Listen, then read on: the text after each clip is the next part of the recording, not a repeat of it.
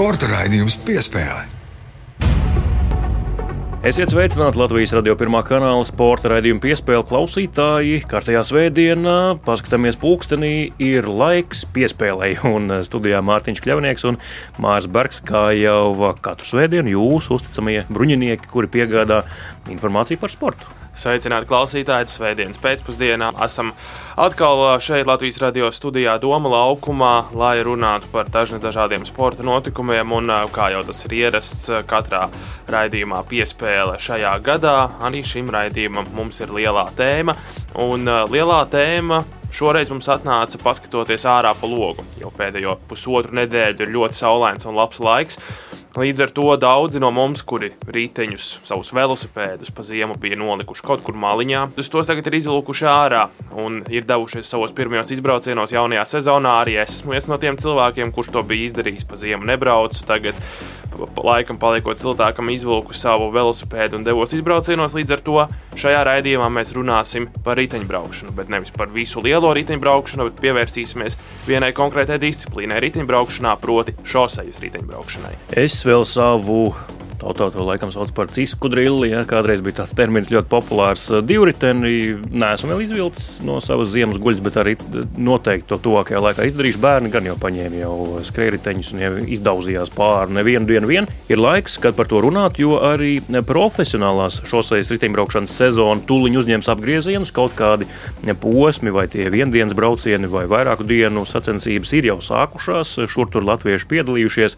Ar vienu no viņiem arī parunāsim. Viņš arī viens no Latvijas labākajiem riteņbraucējiem. Mēs pagaidām studijā esam divi, tāpēc jāķers klāt ir raidījuma mm, mugurkaulam. Mēs to gribētu tā nosaukt. Nedēļas tops, vieta un laiks, kurā mēs atskatāmies uz pagājušās nedēļas spilgtākajiem notikumiem sportā. Un īstenībā jau otrā nedēļa ir tāda, kurā ir grūti izsijāt tādu vienu īpaši spilgtu pirmrinnieku, bet notikumu ir un uh, ir arī izceļami. Un sāksim ar pirmās formulas sezonu. Sezona sākusies, un eh, līdz ar to arī pirmās formulas faniem ir par ko priecāties. Un pirmās formulas faniem ir arī par ko runāt. Jaunas mašīnas, jauni tehniskie noteikumi. Līdz ar to F1 sākas jauna ēra. Šodien pirmās sacīkstes Bahreinā.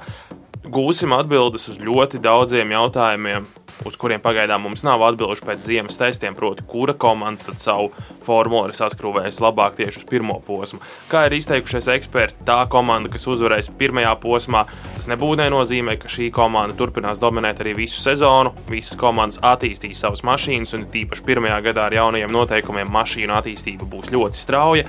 Līdz ar to kāda komanda, kas varbūt ir mazliet tālāk aizmugurē, arī var nonākt priekšā sezonas gaitā. Līdz ar to aizraujoša sezona, 23 posmi mums ir priekšā. Sezona beigsies 20. Eh, novembrī Abu Dabī, kā jau ierasts. Ceram, ka tikpat dramatiski kā 2021. gadā. Atceramies pēdējo posmu, Maks Verstapens, Lūsis Hamiltons, eh, kuram prieka, kuram bēdas, bet sacīkstes bija ļoti aizraujošas. Pēdējais posms tas ir viens, bet pēdējais aplis, kad viss arī beigās izšķīrās. Tā kā tādu drāmu, es domāju, pat dramaturgs gribēdams neuzrakstītu. Tur, protams, nu, joprojām tās diskusijas par to, ka F1 vadība tam ļoti tādu palīdzīgu roku sniedz, lai tas viss notiktu. Bet nu, tas jau ir uh, uz viņu sirdsapziņas skaidrs, ka tāds uh, vidējais aritmētiskais līdzjutējs atcerēsies to, ka tas bija pēdējais posms, pēdējais aplis, divu čempionu titulu pretendenti un beigās Verstapens apsteidz Hamiltonu, izrauja savu pirmo titulu karjerā. Nu, skaidrs, ka titulu iegūt ir daudz vieglāk, kā daudz saka, nekā to aizstāvēt. Tā pēc čempionu sezona varbūt kaut kādas uh, pēdiņās kādas morālās paģiras vai pārāk liela gribēšana noturēt šo titulu. Kā tu domā, kā maksam beigsies? Grūti spriest. Ļoti daudz kas būs atkarīgs tieši no tā, kā Red Bull būs saskrūvējuši savu mašīnu. Testos Red Bull izskatījās labi, izskatījās labākie no visiem tā mašīna pretstatā citām komandām gāja kā pa sliedēm. Ļoti stabila mašīna un arī ļoti ātra. Mercedes izskatās švakāk. Paši Mercedes saka, ka tā ir vidusdaļas komanda. Konkurenti, protams, jau par to ņirgājas, kāda vidusdaļas komanda jūs tur droši vien slēpjaties un, un tā tālāk. Kā tas viss būs, un to mēs redzēsim. Pēc Bahreinas izdarīt secinājumus droši vien arī būs pāragri, specifiski apstākļi, karsts, arī trase. Pēc tam, jau, kad būs nobrauktas pirmās 4-5 sacīkstes, tad gan jau mēs varēsim sākt spriest, kuri tad patiesībā ir ātrākie šajā sezonā. Mainoties noteikumiem, līdz ar to arī pašam maksam būs grūtāk. Viņam ir jāpierod pie mašīnas, un ja būtu pagājušā gada mašīnas arī šogad, jā, es teiktu, ka Maks var aizstāvēt titulu. Šogad ir ļoti daudz nezināmo, kas visu padarīs arī interesantāku. Nu, un, ja jūs vērtējat mašīnas pēc tā, kā tās izskatās, tad es domāju, ka varat turēt īkšķi par Hāzes komandu, jo tiešām skaista mašīna, noplēsts Krievijas karoks un Uralkālī sponsoru logo. Daudz skaistāk tā mašīna izskatās. Hāzes mašīna izskatās skaistāk un arī ātrāk. Tā lamata beidzot brauc. Jo atceroties pagājušo gadu, tā formula nu, nekustējās uz priekšu. F1 standartiem, protams, mm. mēs te ņemam. Bet, ja mēs runājam arī par mašīnu skaistumu, Ferrari skaista mašīna. Skaists krāsojums, kā vienmēr, bet arī tiešām skaista, estētiski baudām mašīna padavusies šogad Ferrari inženieriem un izskatās, ka arī ļoti, ļoti ātri, vismaz pēc ziemas testiem, tā varam spriest. Tāda pirmās formulas sezona, šodien lielais starts. Nākamā svētdienā jau droši vien varēsim runāt par to, kā tas pagāja, kaut ko rezumēt un secināt. Pagaidām paliekam pie tā, ka sezona ir sākusies. Sezona sākusies arī pludmales volejbolistiem, latviešiem, kam jauni pārinieki, kam labi zināmi. Jānis Šmēdiņš ar Aleksandru Samoilo joprojām spēlē kopā. Pirmais jaunā formāta turnīrs ir Meksikā. Norisinās Edgars Točs ar savu jauno pārnieku, gados jauno Kristiānu Fokerotu. Pirmajā spēlē zaudēja, bet vismaz pats Edgars publiskajā vidē padalījās ar emocijām rakstiski, ka sajūtas ir labas. Tie, kas redzēja to spēli, arī saka, ka spēle nemaz neizskatījās tik slikti, un arī rezultāts patiesībā par to liecina. Viens no setiem ievilkās, bija divi punkti tikai starpība, līdz ar to spēja viņi pacīnīties. Edgars Točs pārbaudīts spēlētājs pasaules līmenī. Kristians Fokerots, jaunais spēlētājs, viņam ir jāapbružājas. Skaidrs, ka tur būs adaptācijas periods nepieciešams, ja viņi spēs uzlabot to, ko demonstrēja.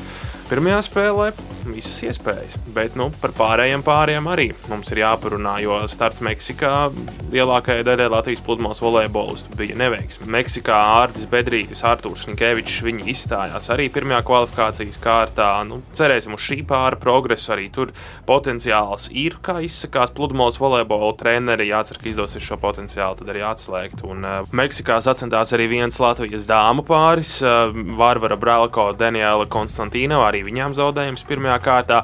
Zinām, ka Latvijas vadošais sieviešu pāris Tīna Graudiņa, Anastasija Kravčēnoka, viņas trenēja Ziemeļamerikā, Tīna studē universitātē, joprojām maģistra studijas viņai šobrīd. Eh, viņas arī trenējas, Anastasija ir devusies uz Ziemeļameriku un tur trenējas, līdz ar to viņas gaidām stiprākajā pludmales volejbola turnīru līmenī Elite 16. Un eh, gaidām arī, kad Mārtiņš Pļaviņš atlaps no ceļgala operācijas. Eh, tas ir diezgan tāls ceļš, gan kur, kurš viņam ir jānoiet optimistiski laikam kaut kad ap jūniju varētu domāt par atgriešanos, iespējams, smiltīs kādu treniņu uzsākšanu, bet nu, Mihails Samoilovs pagaidām uh, trenējas bez sava pārnieka. Viņš arī bija Ziemeļamerikā kopā ar vecāko brāli Aleksandru Samoilovu un Jānu Šmēdiņu.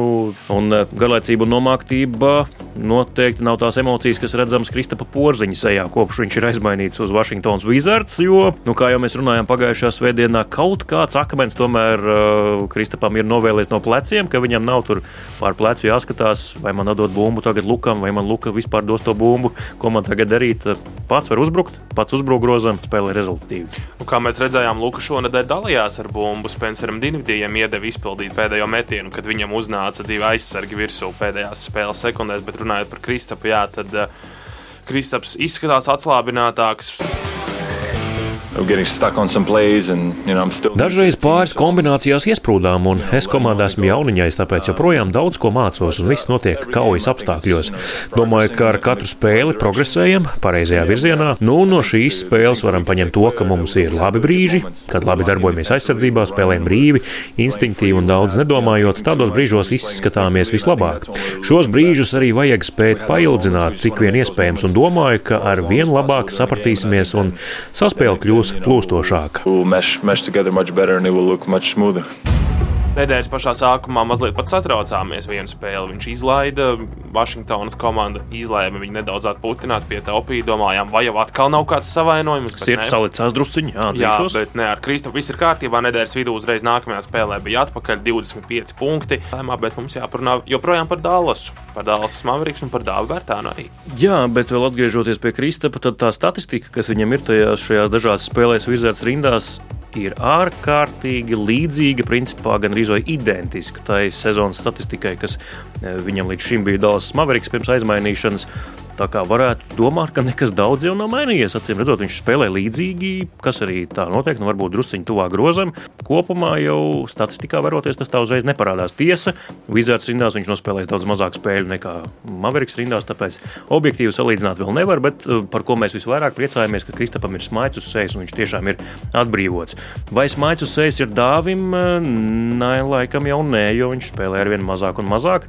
Un tad, kad vēl spēlēja druskuļi vairāk, arī ar to precizitāti bija. Kā bija arī par to mēs runājām pagājušajā raidījumā, ka nu, izmest piecus tālmetienus, neiemest nevienu vai iemest vienu. Tas īsti nav tas, ko no viņa gaida. Nu jā, Dāvis šajā nedēļā 6 minūtes laukumā, 9 minūtes laukumā, nu, mazliet par maz. Mazliet par maz. Ja pirmajās spēlēs viņš vēl spēlēja 11 minūtes, turpat ap 20 minūtēm grozījās viņa spēles laiks. Tad tagad jau pēdējās spēlēs nedēļas gaitā 6 minūtes laukumā, 9 minūtes. Tas ir par maz. Dāvim bija viena spēle, 9 minūtes laukumā, viens izpildīts metiens. To vismaz viņš trāpīja. Taču dāvja sniegumā tiešām gribētos ieraudzīt kaut ko vairāk, gribētos tiešām vairāk no viņa sagaidīt laikam jau šī nav vieta un laiks, kad tā dziļāk analizēt, kāpēc tas tā, bet mēs eh, vērojot to šādi, eh, varbūt garām skrienot, varbūt virspusē, tas ir tas, kas parādās. Un eh, ko mēs no tā varam secināt, ka diemžēl dāvis ir ieslīdis tajā pašā nu, teiksim, tā līknē, kāda viņam bija tieši Vašingtonas Wizards komandā, no kuras viņš gribēja tikt prom un tika. Nu, tas šķietami svaigas emocijas Dallasā, saulītas spīd, Teksas štats, mazāk nodokļu, vairāk spēles laika punktu, precizitāte arī labāka. Bet, Lūka izkārto kādus metienus no stūra. Jā, bet tas bija sākumā, un tagad atkal, atkal iestājas kaut kāda rutīna, kad dāvis atkal ieslīgst tajā vecajā, tajā savā ierastajā režīmā, kāds tas bija Vizards rindās, un tas nav labi starpsezonā jāmēģina dāvi dabūt uz lielo sarunu, un tad jāmēģina rast skaidrojumu. Es domāju, dabūt uz citu komandu, tu teiksi. Nu, to mēs nevaram nokārtot. Pagaidām neviens no mums nav ģenerālmenedžers kādā no NBA komandām. Varbūt nākotnē. Būs, būs gan jau laiks. Nu, varbūt vismaz par aģentu jākļūst. Tas būtu pirmais solis. Tad mēs varētu pieprasīt aizmainīšanu menedžerim. Par uh, Jāņa Blūma karjeras iespējām bijušā Latvijas basketbola izlases kapteiņa uh, arī jāparunā, lai gan viņš ir ķēdes kārs uz nagliņas un uh, karjeru beidzis. Par to paziņoja um, pirms šīs aktuālās sezonas. Arī iesaistījās VF Rīga komandas pārvaldībā un ikdienas darbā bet tomēr tās ķēdes mieru nedod. Jāatgriežas Nacionālajā basketbola līgā.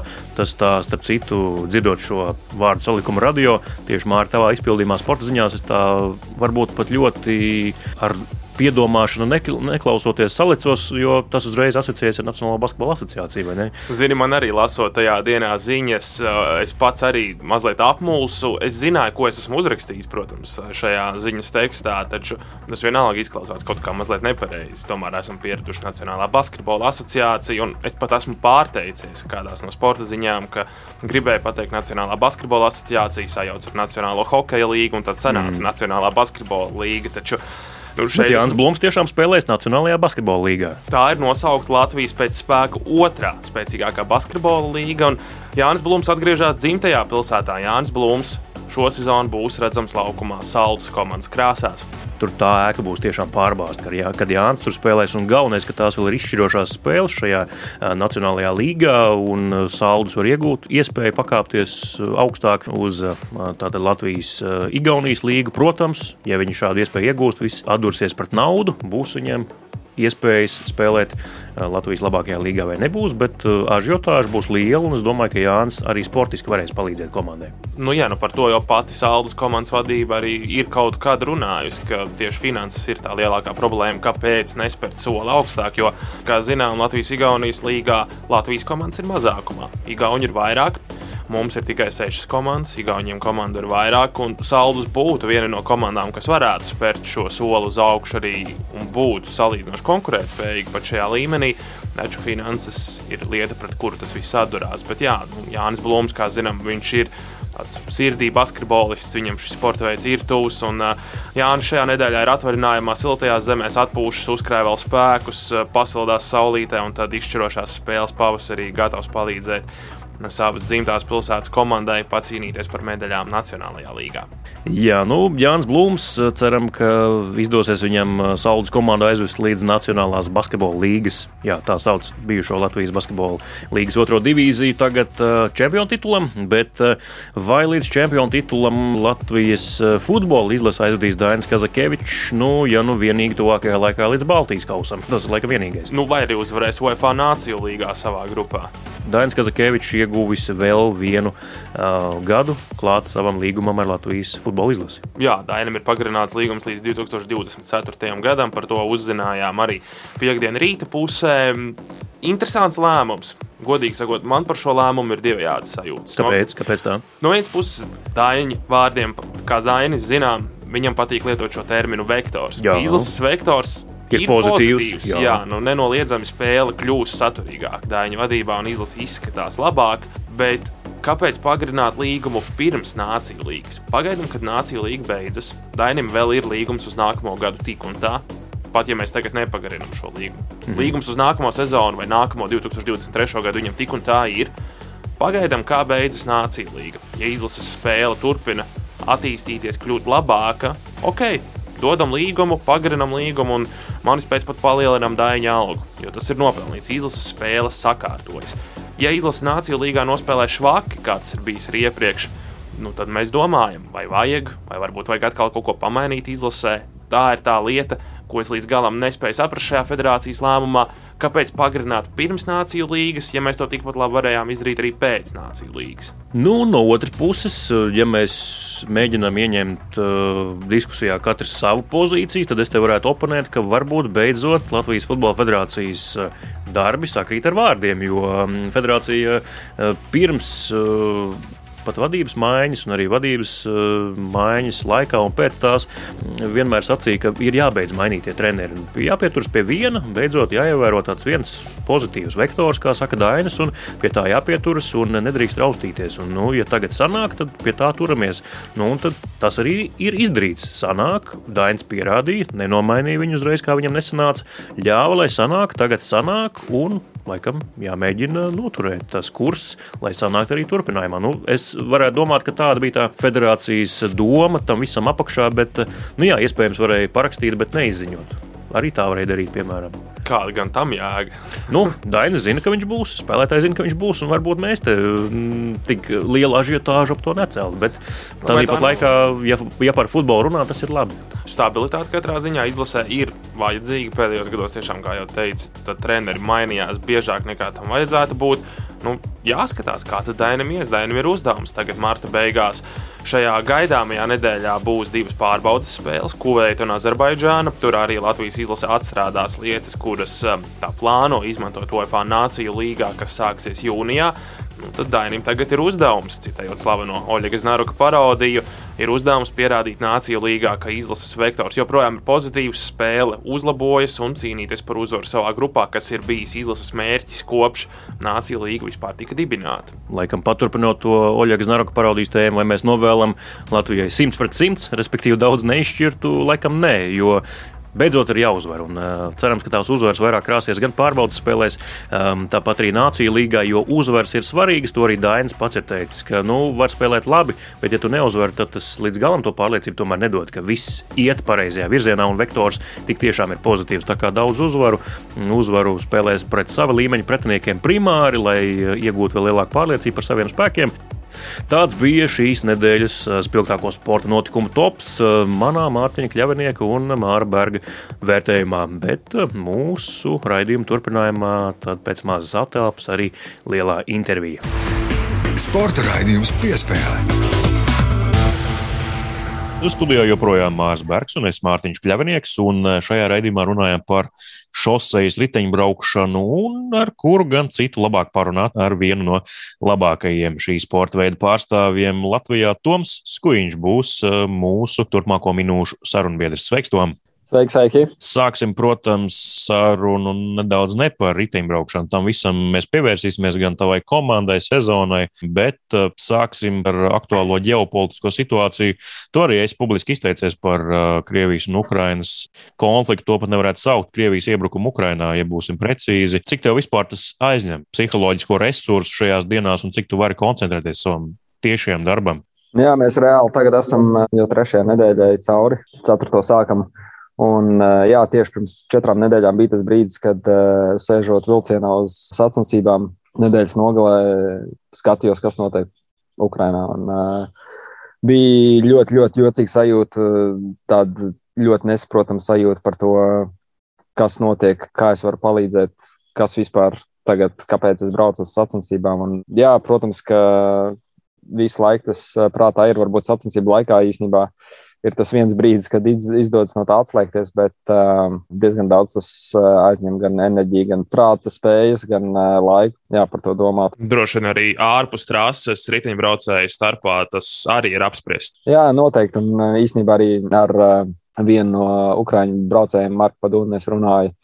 Iepriekšējās sacensībās, arī sacensību laikā, mēs bija mierīgāks brīdis, un tad mēs varējām nedaudz aprunāties. Uh, Viņam gan lielākā daļa ģimenes nedzīvo vairs Ukrajinā, bet, protams, tāpat ir nedaudz attālāki ģimenes locekļi un rādi, draugi, kas vēl joprojām tur ir, līdz ar to viņa situācijas vēl mazāk apskauž. Esmu pats gan ziedojis, gan arī mums komandā ir braucēji, kas ir izveidojuši ziedošanas kampaņas. Viens no mūsu direktoriem īstenībā ir Ukrāņš, un es viņam visu laiku prasu, kā var palīdzēt. Un, viņš, tā kā pēdējo reizi mēs runājām, viņš brauc uz Ukrajinu no Itālijas ar Eh, visādām savāktām mantām, ko ziedot, un eh, ko cilvēki bija gatavi ziedot. Un, eh, tad, jā, viņam, protams, līdz turienei aizkļūt un tā tālāk. Diezgan liels piedzīvojums, tā teikt, bet beig beigās viņam viss izdevās tā, ka viņš vēl joprojām nav sacensību apritē un vairāk mēģina palīdzēt saviem cilvēkiem. Sacensībās. Ievēršoties mazliet citām, priecīgākām lietām, arī tev pašam dzīvē pagājušajā gadā lielas pārmaiņas, apprecējies. Vai esi apratis par šiem mēnešiem ar precētu vīru statusu? Baigās izmaiņas jau nav. Laikam vienīgais, pie kura bija jāpierod, bija gradzena nesēšana pirkstā. Tā bija tāda viena fiziska lieta, ko pie kuras bija jāpierod, bet uh, tagad jau, kad gradzens nonāk nost, kaut ko darot, tad liekas jocīgs sajūta, ka laikam esmu pieredzējis. Sācensību laikā gredzens pirkstā nepaliek. Jā. Īsnībā paliek, īstenībā es atstāju. Sākumā vienu brīdi domāju, varbūt ņemt nost, bet uh, tad es sapratu, ka īstenībā zem cimdiem viņš tur un uh, baigi neko nemaisās. Tā kā atstāju. Tas ir tas arī, ko mēs pirms sarunas ar Mārti pārnājām. Es Mārim arī, nu kā vēl neprecētam teicu, ka nekas jau nemainās pēc tā status. Nu, status ir, jā, bet tā īsti jau dzīvē nekas nemainās. Jūs tomēr tie divi cilvēki viens otru esat izvēlējušies, un tas dzīves ceļš vienkārši oficiāli tiek sākts iet kopā. Pievēršoties laikam mazliet riteņbraukšanas sadaļai, par Treksega Fredo komandu vēlējos parunāt. Tu jau šajā komandā startēji ilgāku laiku, vairākas sezonas. Varētu pat teikt, ka esi viens no komandas savu veidu veterāniem, tieši tāpēc, ka tur jau vairākus gadus brauc. Vai šajā laikā ir kaut kā mainījusies tava loma komandā ārpus sacensībām, uzņemoties tādu savu veidu līderu lomu, kurš rāda priekšzīmju jaunajiem komandas braucējiem, palīdz viņiem iesties komandā? Jā, noteikti mana loma ir nedaudz mainījusies gan treniņu nometnēs, gan jā, starp sacensībām. Jā, nereti man istabā vienā ieliek kopā ar kādu jaunāku džeku, ja es varu viņu nedaudz pieskatīt, nedaudz viņam pamācīt kaut ko. Tāpat laikā nekad neesmu atteicis nevienam savu padomu, tā ka tas diezgan dabiski man nāk teiksim, tie veidi, kā komanda tiek saliedēta, ir dažādi. Kā riteņbraucējs saliedējas, kad komandā notiek pārmaiņas. Arī pirms šīs sezonas komandā tomēr ir atsevišķas pārmaiņas jums. Kā jūs saliedēties, kādi ir tie veidi, ko jūs darat kopā? Jā, mums, protams, ir eh, nedaudz grūtāk kā varbūt eh, citos komandas sporta veidos, tīri tāpēc, ka mums tā komanda ir tiešām ļoti liela. Mēs esam 30 braucēji. Bet, eh, nu, īstenībā, varbūt tas nav baigi liela, bet tā lielākā atšķirība ir tā, ka mēs dzīvojam katrs savā Eiropas malā, tā teikt. Un, līdz ar to nav tā, ka mums treniņi ir dien dienā kopā. Man līdz ar to tā saliedēšanās ir nedaudz grūtāk, un arī uz sacensībām tu aizbrauc un tu redz tikai septiņus vai astoņus cilvēkus. Līdz ar to mēdz gadīties tā, ka tu redz vienu braucēju decembrī nometnē, un tad viņi neredz līdz nākamā decembra nometnē. Tā, mēs cenšamies vienmēr jātīri tajās decembra nometnēs, tāpēc ka tās ir tās, kur mēs visi esam kopā. Mēģinām jaunos ielikt kaut kādās nērtās situācijās, kur viņi varbūt vairāk var atraisīties un parādīt, kādi viņi ir. cilvēki, un tad jā, viens otru iepazīt, un arī treniņos mēs mainām grupas, un lai visi ar viens otru var pabraukt kopā un tā tālāk. Līdz ar to tas ir tā, tīri tā vairāk iepazīšana un vairāk saprašana, kas, kas tie par cilvēkiem jaunajiem, kas ienākuši. Nu, Latvijā ir eh, labi zināms, kā uzņēma vidusskolā ar uh, fukšu balli, tā saucamo, vai ne? Kad uh, 10, uh, 11 un 12 uzņem vidusskolas pulkā. Jums arī ir kaut kas tiešām tāds pasākumu veidīgs, kad ir tas viens, viena kopā pulcēšanās diena, un tad nu, mēs pārbaudām tos jaunos, no kā viņi taisīt. Jā, tā arī ir. Man liekas, šogad mums bija pāris erudīcijas spēles, kas bija jāizspēlē bet kur arī piedalījās apkalpa visa, ne tikai braucēji. Jā, līdz ar to bija bija vis, vis, vis kaut kāda jautrība.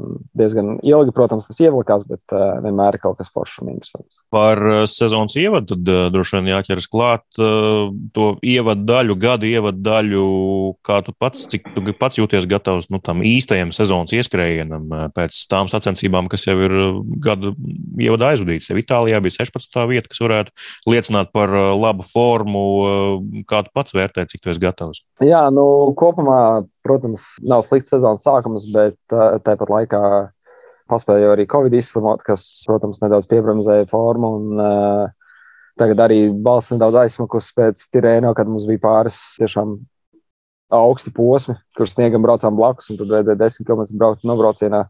Uh, līdz ar to tur arī bija nosalām, un neviens vienbraucējs tagad ar uh, īstenībā nākamās mačas izlaiž. Bet uh, kopumā, jā, nu, apmierināts esmu, bet uh, ir vēl uh, tagad nākamās sešas nedēļas, kas tiešām ir tās, uz kurām bija galvenais akcents šajā sezonas pirmajā daļā likts. Un, līdz ar to tagad uh, jāpierāda sevi un uh, jāmēģina, jāmēģina kaut kas izdarīt. Jā, nu paturpinot par sezonas ievadu, strāda bija Anka. Labākais rezultāts tev sezonas ievadā. Televīzijā šīs sacensības izskatījās dūli ar laikapstākļiem. Pastāstīja, ko braucējs redz, kā tu jūties tur trasē. Jā, strāda vienmēr ir interesanti, un uh, laikapstākļi sevišķi uz grāmatu ceļiem var ļoti lielu lomu nospēlēt.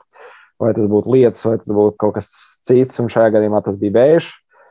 Protams, tas ir diezgan agrs pavasaris, līdz ar to var arī sniegs gadīties. Jā, šajā gadījumā visi vēži tik tiešām iespējas sacensības, gan izveido lielu kritienu uz vienu no grāmatas posmiem, bet arī to grupu īstenībā saturēja daudz vairāk kopā, jo diezgan daudz trases, smagie posmi tie, kur varbūt tie izšķirošie atrāvieni varētu būt veikti, bija pretvējā, līdz ar to tos nedaudz grūtāk bija izdarīt, un tā grupa bija lielāka, daudz ilgāk. Jā, nu, tas kritiens noteikti bija tas, kas vislielāko lomu nospēlēja šajā gadījumā. Bieži sanāk, ka piedalīties sacensībās tik ļoti vējainos laikapstākļos, vai tas tomēr ir tāds izņēmums drīzāk? Nu, īstenībā tas vējš jau nebija tik traģisks. Tā lielā problēma bija tā, ka uh, uz tā grāmatas ceļa, kur tas vējš bija, loģiski, ka tev uz grāmatas ir mazāk eh, saķeres starp riepām un ceļu. Un, uh, līdz ar to, ka ir iepuši vējš, tad daudz vieglāk ir tev nopūst no ceļa. Līdz ceļš, ja tur ir kaut kādi ieradināks posms, kur tas arī bija. Un līdz ar to tas bija vairāk tas, bet vēji ir bijuši arī lielāki. Un arī tajā pašā besēža, kas bija februārī, tur bija dienas, kad bija lielāks vējš. Jā, nu, tagad šī riteņbraukšanas sezona ieskrienas arī pats teica, ka tagad priekšā svarīgākais posms sezonas pirmajā pusē. Kur mēs tevi redzēsim turpmāko nedēļu laikā? Tad nākamajā nedēļā jau uh, Beļģijā viendienas, I3 un GNP vēl gan Tad, attiecīgi, nākamajā nedēļas nogalē ar Flandrijas tūri. Tad arī plānā ir gan braukt Amstelu, gan Rubē. Tā kā būšu dzīvošos pa Beļģiju kādu laiciņu un braukāšu tās viendienas tur. Un sezonas galvenais uzsvars tev arī šo sezonu - tūre? Jā, protams, gribēs atbraukt uh, atkal uz tūri, nobraukt vēl vienu apli apkārt Francijai. Tas ir noteikti mērķis. Es noteikti gribu tur būt un uh, arī domāju, ka, ja veselība turās un viss, viss notiek, tad uh, tur arī būšu. Protams, ka tas ir galvenais mērķis. Par pasaules čempionātu arī vienmēr gribās, gribās labi nobraukt, bet jā, tādēļ, ka pasaules čempionāts šogad ir Austrālijā, diezgan tālu jābrauc, jāsaprot vispār, kā mums būs ar budžetu un tā tālāk. No federācijas puses līdz ar to, ar to vēl nelielu jautājumu zīmi. Līdz ar to, jā, varbūt tas galvenais akcents šogad īstenībā ir uz um, tūri otrajā sezonas daļā. Tad pēc tūri skatīsies un redzēs, dzīvos redzēs, tā teikt, kā būs ar pasaules čempionātu un kā būs ar pārējām sacensībām tur. Latvijas čempionātā ir kāds iespējas tevi ieraudzīt? Par to labs jautājums īstenībā. Gan jau, ka jā, bet es parasti mēdzu izņemt pēdējā brīdī, kā sagatavošanās rīt. Un, um, vai varbūt tieši tādēļ, ka es koncentrējos uz to tūru un Latvijas čempionāts ir tieši pirms uh, Tour de France, tad uh, vienmēr ir tādi jautājumi zīme, vai ir nepieciešama kaut kāda treniņa, vai es varu atļauties aizbraukt uz Latviju, pazaudēt pāris dienas ceļojot un uh, nebraukt Latvijas čempionātā, atrādīties savējiem. Līdz ar to tas ir vienmēr tāds neliels līdzsvars, kas jāatrod tajā brīdī sezonā. Par tūru vēl noslēdzot sarunu, tūri, tu kā, nu, nu jau var teikt, tūris speciālists, vairākus gadus piedalījies. Tās sacensības vispār var atkost, nu, kā saka, vai katru gadu tur tu brauc, nezinot īsti, kas tev sagaida. Noteikti ir knifiņi, ko tu vari atkost, un ir lietas, ko tu iemācies gadu no gada, un ko tu jā, paņem uz nākamo gadu.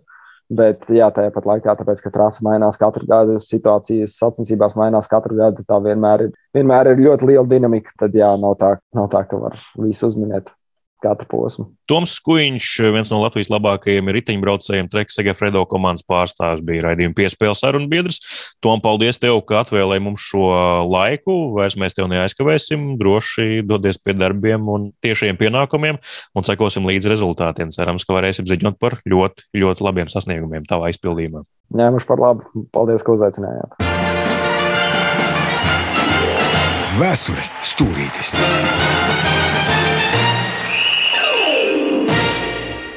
Un šodien rubrikā Vēstures stūrītis ielūkosimies vienā no spožākajām Latvijas riteņbraukšanas vēstures lapas pusēm. Protams, lepojamies ar Daņa Ozola izcīnīto bronzas medaļu 1992. gada Barcelonas vasaras Olimpiskajās spēlēs, tomēr 2000. gada 15. oktobrī Francijā Ploē riteņbraucējs Romāns Vainšteins izcīnīja pasaules čempiona titulu grupas braucienā sprinta finišā apsteidzot beļģi Andreju Čmiļu.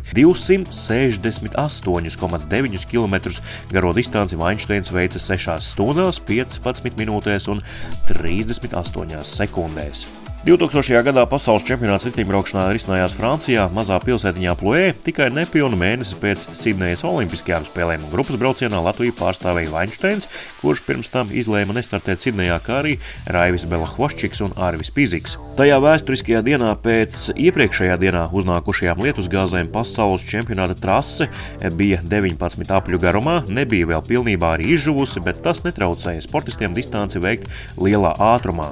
Lai gan pirmajos apļos izveidojās izveidojās viens atrāviens no grupas, kuras pārsvars vēlāk sasniedza pat 8 minūtes, bija skaidrs, ka tik augstu tempu līderi nespēs uzturēt. Līderi atrāvienā turējās vairāk nekā 150 km, bet mazāk nekā 50 km pirms finiša riteņbraucēji jau bija vienotā grupā. Vēlāk no šīs grupas izveidojās vairāk nekā 20 sportistu kupls pulks, kurā bija arī Vainsteins, un pēdējā aplī jau bija skaidrs, ka pasaules čempions būs no šīs grupas dažus kilometrus pirms Finiša izrāvienu veica Itālis Francesco Casagrande, bet pirms pēdējā kilometra arī viņu noēda pārējie riteņbraucēji.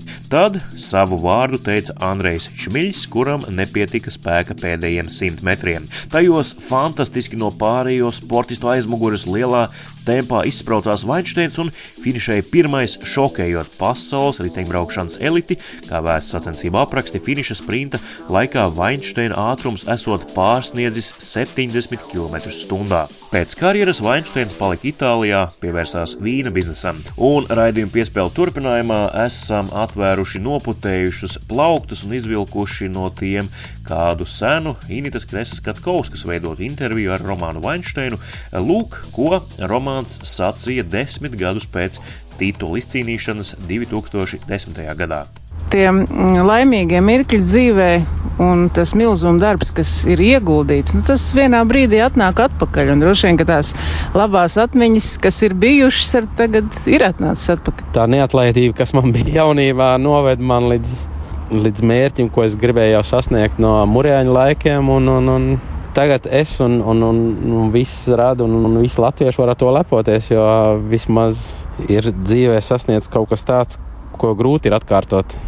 Cilvēkiem par to ir prieks, ka uh, arī no mazās Latvijas ir bijusi iespēja izcīnīt zelta medaļu pasaules čempionātā. Kad sāk dzīvot Itālijā, ļoti bieži tik braukāts par visiem reģioniem. Un, tieši pa maziem ceļiem un pa laukiem un, un, un redzēt visu to apkārtni, tās neaizmirstamās un daļās vietas.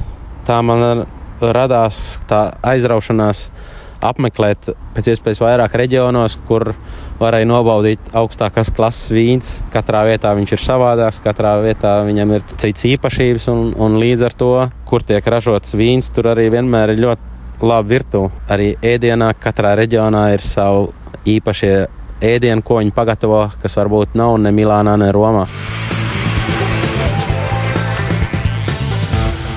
Piespēle. Šis ir brīdis, kad būtu jāskan rubrikai, kas lācītim vēdā, bet, diemžēl, eh, nu, jāsaka tā, ka šonadēļ lācītim vēdā varētu būt ieperinājis kāds vīrus, pavasara vīrus, tāpēc Reins, diemžēl, veselības apstākļu dēļ eh, nevarēja izveidot eh, rubriku. Ļoti interesants stāsts mums bija paredzēts, bet noteikti, ka neatklāsim Māri vai nekas tas bija, jo... Neatklāsim, varbūt kādā citā reizē mēs atkal šo ideju realizēsim. Varam no kastītes atkal izvilkt, jā, kādreiz. Gaidam Reina atpakaļ ierindā nākamnedēļ Gunārs Jākapsons ar savu lielo interviju. Jā, un jāsaka tā, ka tas, ko Gunārs man pastāstīja, par ko šī saruna būs, ļoti intriģējoši. Un man pašam, kā sporta žurnālistam, kurš šķietami zina dažādu organizāciju un sporta veidojumu nosaukumus, šis nosaukums bija jaunums. Divi no trim vārdiem, kas ir šajā nosaukumā ļoti pazīstami, Latvijas olimpiskā, bet kas turpinājumā to Gunārs izstāstīs nākamajā svētdienā. Es domāju, es radīju pietiekami lielu intrigu vai nemāri. Jā, nu tad, kad tu man pastāstīji, ko Gunārs tev ir pastāstījis, tad arī es biju apjucis, jo gadu gaitā arī, protams, arī es esmu iepazinies ar visdažādākajām sporta organizācijām, gan, protams, tām slavenākajām un zināmākajām Latvijā, gan arī mazāk zināmām veidojot dažādus sižetus un arī sporta ziņām, veidojot saturu. Un arī es šo organizācijas nosaukumu dzirdēju pirmoreiz, kā tu redzēji no manis izbrīna, kad mēs par to runājām aizkadrā. Jā, tā tad nākamā nedēļa Gunārs Jākapsons Reinis atgriežas raidījumā piespēle pēc divām nedēļām ar savu ierasto rubriku Kas lācītiem vēderā. Bet mēs ar tevi, Mārtiņ, atvadāmies no klausītājiem, lai tiktos jau pēc nedēļas. Jā, pēc nedēļas tiksimies atkal ar jums. Tad, protams, ka ceturdaļu raidījuma pat nedaudz vairāk atvēlēsim Gunāram, bet paši aizpildīsim atlikušās 25 minūtes. Būs interesants saruna, jau tagad mums ir liela plāna, kas no tā realizēsies. To mēs paši vēl šķetināsim un nākamnedēļ cerams, ka viss izdosies. Tāpēc paldies, ka klausījāties šo raidījumu. Varat to darīt arī Latvijas radio arhīvu sadaļā mājaslapā. Protams, meklējiet raidījumu piespēli, jebkurā sev ērtā raidierakstu jeb podkāstu klausīšanās vietnē. Savukārt mēs atvadamies līdz nākamajai nedēļai līdz nākamajai reizei. Paldies par uzmanību un uz tikšanos pēc nedēļas!